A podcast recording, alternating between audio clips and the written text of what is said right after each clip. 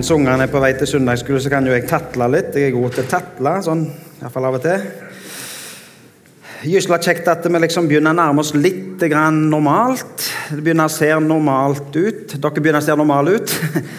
Nei, altså, Vi sitter jo litt spredt fremdeles, men uh, vi kommer nærmere en annen etter hvert. Og så får vi håpe at, uh, at uh, det ikke går så lang tid, så kan, være, kan det være bortimot helt normalt. Jeg syns det var kjempekjekt, som Janne sa òg, at, eh, at lovsangstimen går ned. Og at lovsangstimen er med ungene eh, og, og synger i lag med dem eh, på søndagsskolen. Superkjekt, altså. Um, vi har ikke kamera i dag, det ser dere gjerne. Uh, men jeg tror talen blir tatt opp, så de som vil høre den etterpå, de kan det. Det gjør faktisk bitte lite med meg. Jeg blir bitte litt friere, og sånt, men, men eh, jeg burde gjerne ikke vært så etter hvert, men det er nå så. Eh, og så tenker jeg at jeg ble jo tatt opp, så jeg må kanskje være litt Helle meg innenfor visse rammer likevel. Men nok om det. Nå tror jeg ungene kommer seg ca. ned til søndagsskolen. Jeg var her på ungdomsforeningen i går kveld og sa til ungdommene at uh, det er kjekt hvis dere kommer. Jeg har sett en del av dem. Det er gysla kjekt at de kom. Kjempebra. Eh, vi skal lese ifra apostlenes gjerninger, eh, kapittel 1. Og vi skal lese 3-11. Og vi skal lese apostlenes gjerninger eh, litt spredt utover hele høsten. Det er jo klart Vi kan ikke ta alle vers, vi kan ikke ta alle kapitler, eh, for det ville tatt gysla lang tid. Men vi skal begynne i kapittel 1 i dag og ta vers 3-11. Den største faren når jeg skal ha apostlenes gjerninger, det er at jeg begynner å bli litt ivrig av og til. og så blir det apostel, Jeg klarer ikke å få med meg alt det der greiene, men det er altså apostlenes gjerninger jeg skal si hvis jeg mumler et eller annet om Gjerne så apostelgjerningene. Gjerne jeg skal prøve på det. Men uansett, vi skal lese apostlenes gjerninger, kapittel 1 og vers 3. Etter å ha lidd døden sto han levende framfor dem. Jesus sto levende framfor dem med mange klare bevis på at han levde. I 40 dager viste han seg for dem og talte om det som hører Guds rike til. En gang han spiste sammen med dem, påla han dem dette. Dere skal ikke forlate Jerusalem, men vente på det som Far har lovet, det som dere har hørt av meg. For Johannes døpte med vann, men dere skal om noen få dager bli døpt med Den hellige ånd. Mens de var sammen, spurte de ham, Herre, er tiden nå kommet da du vil gjenreise riket for Israel? Han svarte, det er ikke dere gitt å kjenne tider og stunder som Far har fastsatt av sin egen makt. Men dere skal få kraft når Den hellige ånd kommer over dere. Og dere skal være mine vitner i Jerusalem og hele Judea i Samaria og helt til jordens ende. Da han hadde sagt dette, ble han løftet opp mens de så på, og en sky tok han bort foran øynene deres. Og som de nå stirret mot himmelen mens han dro bort, sto med ett to menn i hvite klær foran dem og sa:" Galileere, hvorfor står dere og ser mot himmelen? Den Jesus som ble tatt bort fra dere opp til himmelen, han skal komme igjen på samme måte som dere har sett ham fare opp til himmelen. Tror du det fins en Gud? Det er et ganske eksistensielt spørsmål, et ganske grunnleggende spørsmål. Et spørsmål som jeg tror de aller, aller fleste, hvis ikke alle mennesker, stiller seg en eller annen gang, og kanskje til og med mange ganger i løpet av livet. Fins det en Gud? Fins det noe som er større enn oss? Fantes det noe før det var mennesker? Fins det noe etter at menneskene ikke er her lenger? Fins det noe evig? Eller har alt en begynnelse og en slutt? Hvis alt har en begynnelse og en slutt, hvem skapte da begynnelsen?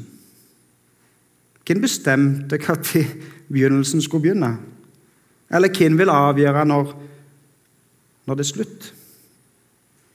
Fins det en Gud? Fins det noe større? Fins det noe evig? Isaac Newton var en ganske skarp mann. En, en utrolig klok mann. Gjør et Google-søk på Isaac Newton altså, og, og, les utrolig hva han eh, både skrev, eh, oppdagte Han fikk jo et eple i hodet, som dere gjerne husker. Og så fant, han, så fant han opp tyngdekraften. Det vil si, tyngdekraften var det gjerne fra før, men han setter ord på det. Han skrev masse. Det som jeg synes var litt interessant når jeg leste litt om Isaac Newton, var at han skrev mer om Gud enn han skrev om vitenskap, faktisk. Eh, og Isaac Newton han sa det. Hvis du gjør Google-søker, så søker du Isaac Newton tommel, så sier Isaac Newton at hvis jeg bare ser på tommeltotten min, så er det et bevis på at Gud fins. Isaac Newton er en av de smarteste som har levd. På 1600-tallet så snakket han om, om, eh, ting som jeg ikke har greie på, for å si det sånn. Å bare, å bare studere tommeltotten min er et bevis på at Gud eksisterer. Og Han sa òg at jo mer jeg studerer, jo mer finner jeg ut at Gud eksisterer. Han som har skrevet apostlenes gjerninger, Lukas, sier vers 3, som jeg leste Etter å ha lidd døden sto han levende framfor dem med mange klare bevis på at han levde. Han sa, Lukas sier ikke bare at han, han, sto der som et bevis. Han sa faktisk 'med mange klare bevis'. De som så han, øyevitnene, de som var der sammen, de, de så jo at han var der fysisk. Han som hadde død på korset, han som var lagt i grava, han så de at nå lever han. Han er her. De tok på han. De åt i lag med han. Og så fortalte de det videre. De var øyevitner, og de fortalte det videre. Hvis det som skjedde, og hvis det vitnesbyrdet som de fortalte videre, hvis det, hvis det var avtalt løgn, så var de altfor mange til å ikke røpe sannheten. Paulus sier i 1. Korinterbrev 15 at det var mer enn 500 som så Jesus etter han har stått opp, på én gang. De var altfor mange til å ikke røpe sannheten. Og Én ting var jo hvis alt hadde vært fredelig og, og, og liksom det, ikke var, det ikke var noe press på dem, men det var jo et enormt press. For de som trodde, de som vitna, de som fortalte om Jesus' sin oppstandelse, de ble jo forfulgt og drept.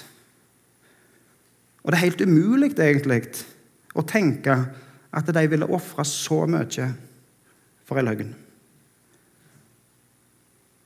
Og, og, faktisk så var de i utgangspunktet ikke kjent for å være så tøffe. Peter, for eksempel. Han klarte jo ikke engang å si sannheten når han traff ei tjenestejente. Så spurte han om han kjente Jesus. Og Etter at Jesus var død, så var de jo så redde at de samla seg på et rom og låste døra. Og plutselig så blir de så tøffe at ingenting i verden klarer å få dem til å fornekte Jesus og det som hadde skjedd. Lukas har skrevet mer enn en fjerdedel av hele Nytestamentet. Han har skrevet 2157 vers, for å være helt nøyaktige. Paulus har skrevet 2032. Johannes har skrevet 1407. Og Nytestamentet består av 7947 vers trenger ikke du huske alt det, men poenget er at Lukas har skrevet mer enn en fjerdedel av hele Nytestamentet. Han var en, eh, han var en ganske skarp type. Han hadde mer utdannelse enn de fleste på den tid. Han var lege. Han kunne tydeligvis skrive. Han skrev to bøker. Mer enn en fjerdedel av hele Nytestamentet. Og hvis du leser det som er litt Mm, dumt å si dumt, men, men det som eh, altså i, i, i, Bibelen vår, i Nytestamentet, så har vi Matteus, Markus, Lukas, Johannes og apostlenes gjerninger. Sånn at eh, hvis vi leser side for side, på en måte utgjennom, så får vi ikke lest Lukas og så gå rett over i apostelgjerningene. Men hvis du gjør det, Hvis du leser Lukas kapittel 24, eller de siste kapitlene i Lukas, og så hopper du over i apostelgjerningene 1, 2 og 3 osv., så, videre, så kjenner du faktisk ikke disiplene igjen fra Lukas 24 til apostelgjerningene 1, 2 og 3. Altså Peter, som så frimodig står fram. Han som, han som, til og med går ut på tempelplassen, det offentligste av det offentlige, på en måte, og vitner frimodig. Han som nekta når denne tjenestejenta spurte om han kjente Jesus. I Lukas 24, 11 står det at eh, de mente det Når, når, når de som kom ifra graven eh, De damene som kom fra graven og sa at Jesus er stått opp, så sier Lukas 24, 11 at de mente det hele var løst snakk, og trodde dem ikke. Det var disiplene. Lukas 24, 41, da de i sin glede ennå ikke kunne tro, men bare undret seg. Ikke kunne tro. Det var disiplene i Lukas 24. Og så ser vi de apostelgjerningene, og så er de helt forandret. Det har skjedd et eller annet. Og det var jo faktisk det Jesus sa. Og det Jesus sa i den teksten vi nettopp leser. Dere må være her nå. Bli her i Jerusalem for nå, en av de nærmeste dagene, så skal det skje noe. Jesus hadde sagt det. Han snakket om det som det som Gud hadde lovt. De skulle bli døpt med Den hellige ånd. Det skulle nå skje. Og I teksten som vi leste, så ser vi at de hadde jo ikke forstått hva Jesus snakket om. Skal du nå liksom gjenreise riket for Israel? Skal du nå ta kampen opp? Jesus, er det nå det begynner? Og Jesus sitt svar bidrar nok heller ikke til at de forstår så mye mer. Og mens de snakker med Jesus, så, så blir han tatt ifra dem opp til himmelen. Han hadde jo blitt tatt ifra dem før. Og den dagen han døde på korset, så føltes alt håpløst. Han som hadde vært i lag med dem, han som hadde gitt dem håp, han ble tatt livet av på et kors. Skulle han bli tatt ifra dem igjen? Og så står de og ser opp mot himmelen. Jo, på en måte så blir han jo tatt ifra dem igjen. For han kom jo ikke til å være fysisk til stede iblant de så som før. Han kom ikke til å sitte til bords med de og ete i lag med de. Men han lot de ikke være igjen uten håp. Ikke se opp mot himmelen. Jesus skal komme igjen. Og mens Jesus, før Jesus kommer igjen, så gir han dem et håp. Han lar det ikke være igjen alene, og han gir dem kraft.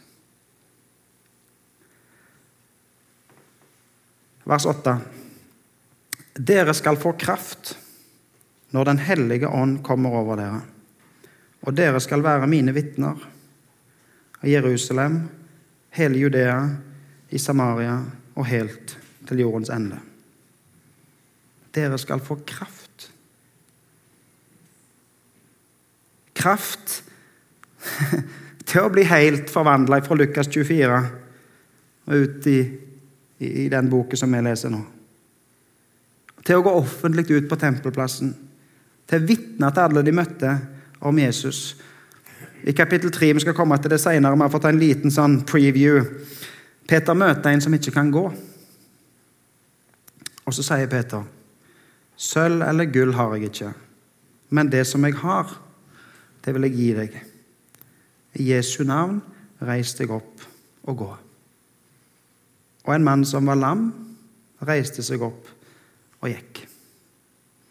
Var det, var det han sjøl? Var det Peter i sin egen kraft? Nei. Jesus hadde sagt, 'Dere skal få kraft'. Og så kan nok vi undre oss over eh, den kraften som de hadde da, og sånne ting som Peter gjorde da. Skjer det sånne ting i dag? Eller er denne kraften blitt mindre? Det er utrolig sjelden at vi hører at folk som ikke kan gå, begynner å gå igjen. Og så er det et stort tema som vi kunne snakket lenge om. Om under og, og helbredelser og den type ting. Um, bare la meg understreke det sånn ganske kort, at det der skjer under faktisk i dag òg. Det skjer store under, og det skjer mindre under. Og Gud har makt til å gripe inn. Og han har makt til å gripe inn òg fysisk i våre liv. Og så kunne vi snakket mye om, om, om, om helbredelse og sånne ting. Um, så har jeg lyst til å ta fram et lite aspekt, eh, som ikke er for å snakke meg vekk ifra, ifra, det som har med helbredelse å gjøre, men for å gi et, et lite bilde av hvordan virker denne kraften i dag.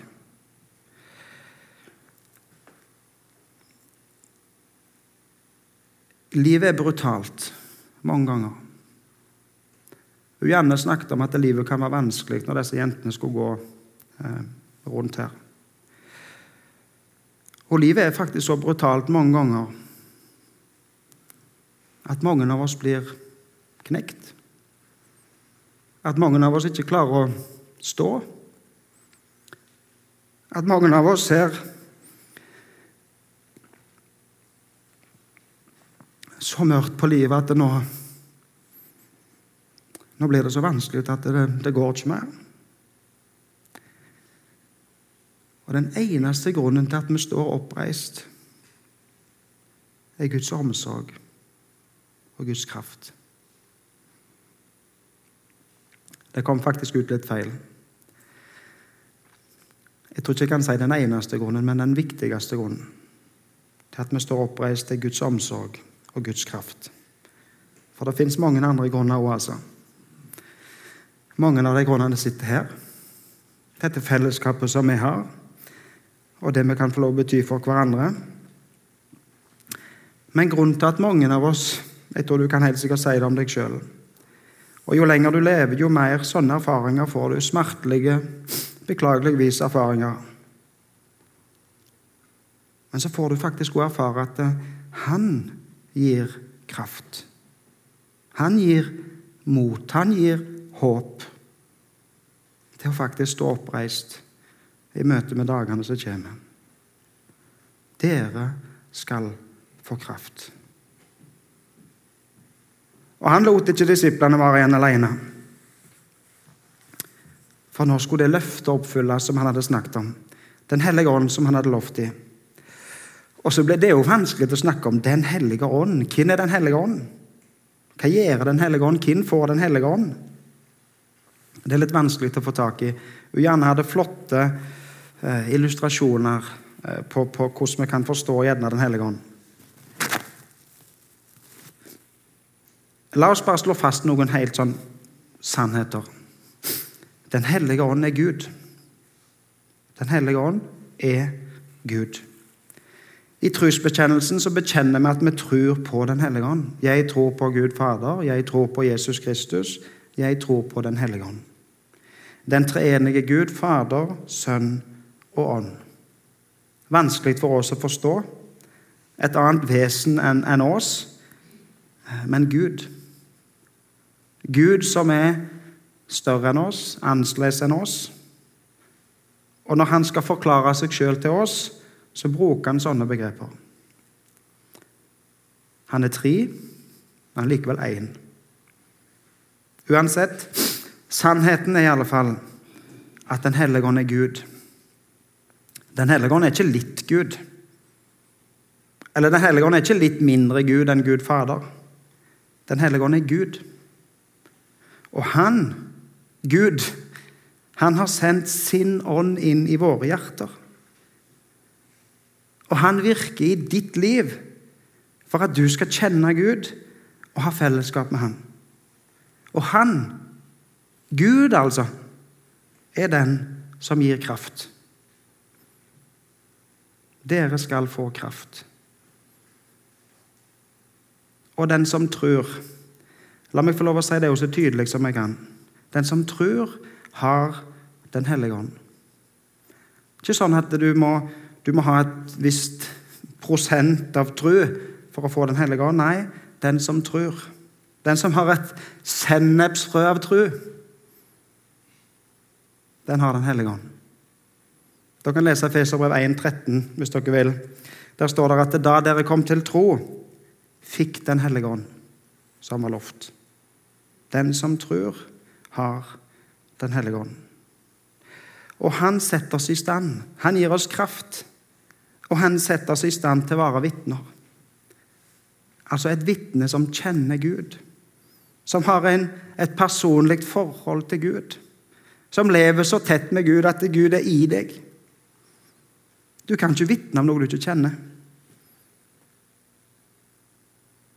Og Gud har sendt sin sønn Nei, sorry, ja, det har han òg, men han har sendt sin ånd inn i våre hjerter for at vi skal vitne om Han. Den hellige ånd i våre liv, han vitner. Hvem vitner Den hellige ånd om? Jo, Den hellige ånd vitner jo om seg sjøl. Han vitner jo om Gud. Den hellige ånd er Gud. Om Gud Fader som har skapt oss. Som har skapt oss sånn at til og med bare tommelen beviser at Gud eksisterer. Som har omsorg for oss. Om Guds sønn, Jesus, som tok alt vårt på seg, død for oss og frelste oss. Alt dette vitner Den hellige ånd for oss. Og dette vitnesbyrdet som vi har i oss, skal vi ta videre. Skal vi få lov å fortelle videre. Til de som var samla der i Jerusalem den gangen, så sa Jesus dere skal være mine vitner i Jerusalem, Judea, Samaria og til jordens ende. Det har blitt sagt mye om dem. Altså, hvorfor sa han Jerusalem, Judea, Samaria og til jordens ende? Ehm, og Den enkleste forklaringen og naturlige forklaringen er at Jerusalem jo, det er jo der de var akkurat da. Altså, du skal vitne der du er akkurat nå. Du skal være Jesu vitne akkurat her. Og Judea så utvider sirkelen litt, og så sier de du skal få lov å vitne litt i eller, vitne litt, Du skal få lov å vitne i, i, nærområdet ditt. Utvide sirkelen litt. Men så skal vi også gå til Samaria. Det betyr vi må krysse noen grenser. Vi må krysse noen grenser kulturelt. Kanskje snakke et annet språk. Geografisk. Og en skal faktisk ut helt til jordens ender. Og så har jeg tenkt La oss nå prøve nå da, å gjøre dette veldig praktisk. Jerusalem, her du er nå, i din forsamling. Altså, dette, dette, dette er ikke en kiosk. Du kommer ikke her for å, for å kjøpe en tjeneste. Du kommer ikke her for å shoppe. Men dette er din familie. Dette er din åndelige him. Og her i denne familien skal vi få lov å være til for hverandre. Her skal du få lov å være med og bidra.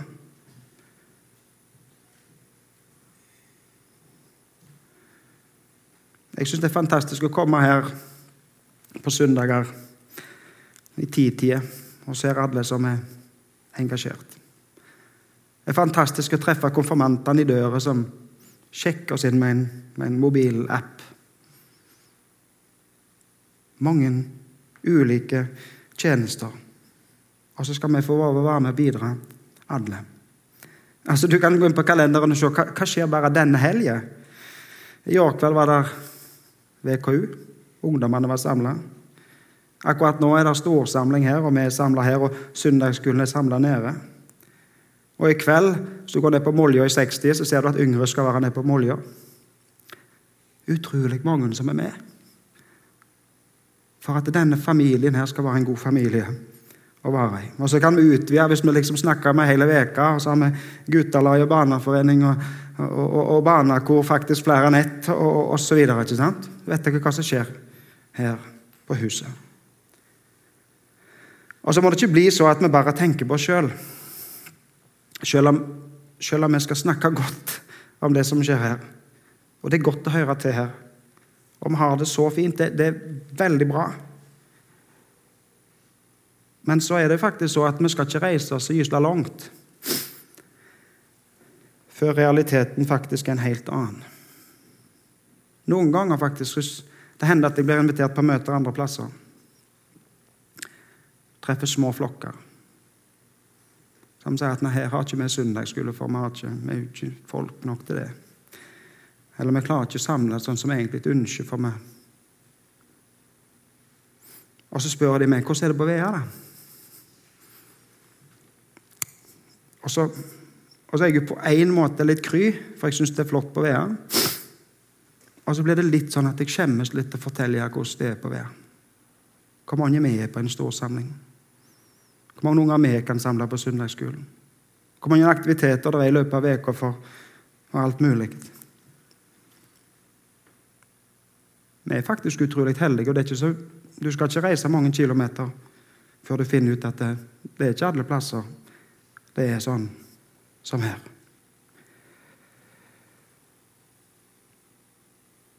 Da tenker jeg Hva er mitt ansvar i det?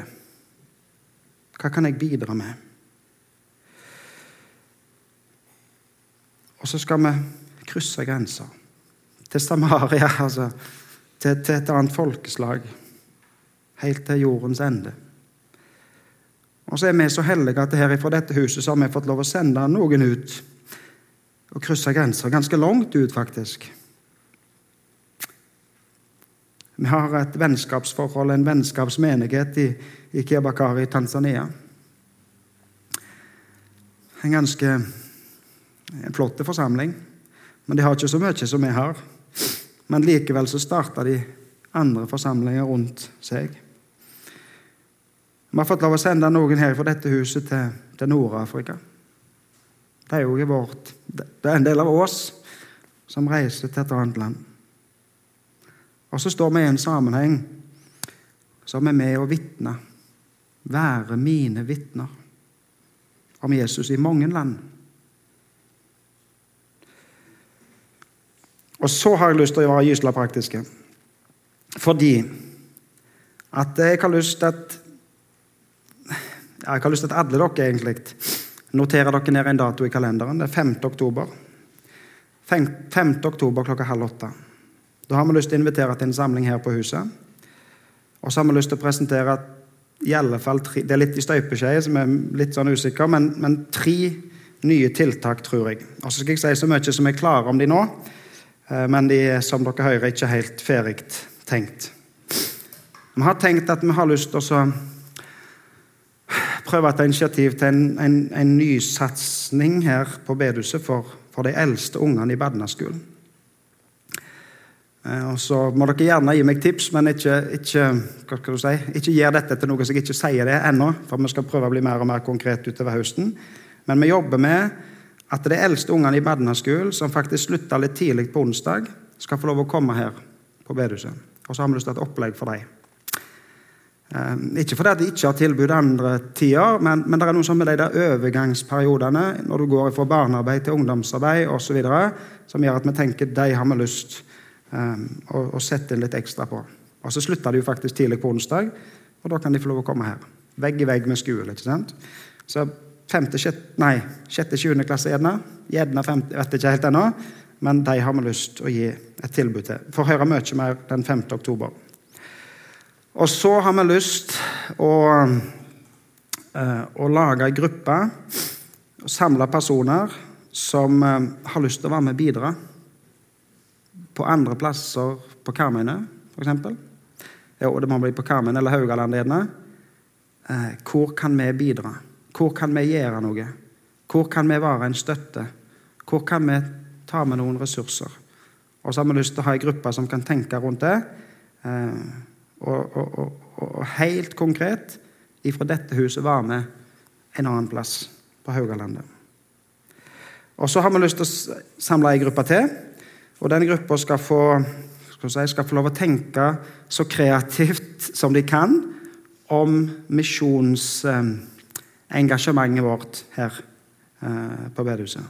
Hvordan skal vi ha kontakt med de der ute? Hva skal vi gjøre for, hva skal vi bety for Kiabakari? Hvordan skal vi fokusere på misjon i alle disse land som vi egentlig tar ansvar for? Um, og så er det egentlig bare kreativiteten som, som setter grenser. Men de tre, altså de eldste ungene på barneskolen, bidrar på Haugalandet, og hvordan vi skal ha misjon inn i, inn i forsamlingen vår. De tre gruppene har vi lyst til å snakke mye mer om den 5. oktober. Ok. Um, slutten av teksten vår sier disiplene sto og så opp mot himmelen. Og så får de høre at han som for opp til himmelen, han skal òg komme igjen. Jeg og du vi har fått tildelt dagen i dag. Og hvor mange dager vi får, det er det ingen av oss som vet. Hva som skjer i morgen, hva som skjer i framtida, er det ingen av oss som vet. Men det som vi vet, det er at han som dør for oss, han som står opp igjen, han som lever i dag, han vil leve i samfunn med oss nå. Han vil gi oss kraft til å leve i tro på Han og tillit til Han. Og han utruster oss til tjeneste for Han i dag. Og dagen i dag er den eneste dagen vi er sikre på at vi har. Han som lever, han skal en dag komme igjen. Det klareste beviset for at Gud fins, det er ikke tommeltotten. Selv om det er et bra bevis. Men det klareste beviset for at Gud fins, det er at han en gang i tida sendte sin sønn inn i vår verden, til vår jord. At han ble menneske sånn som meg og deg.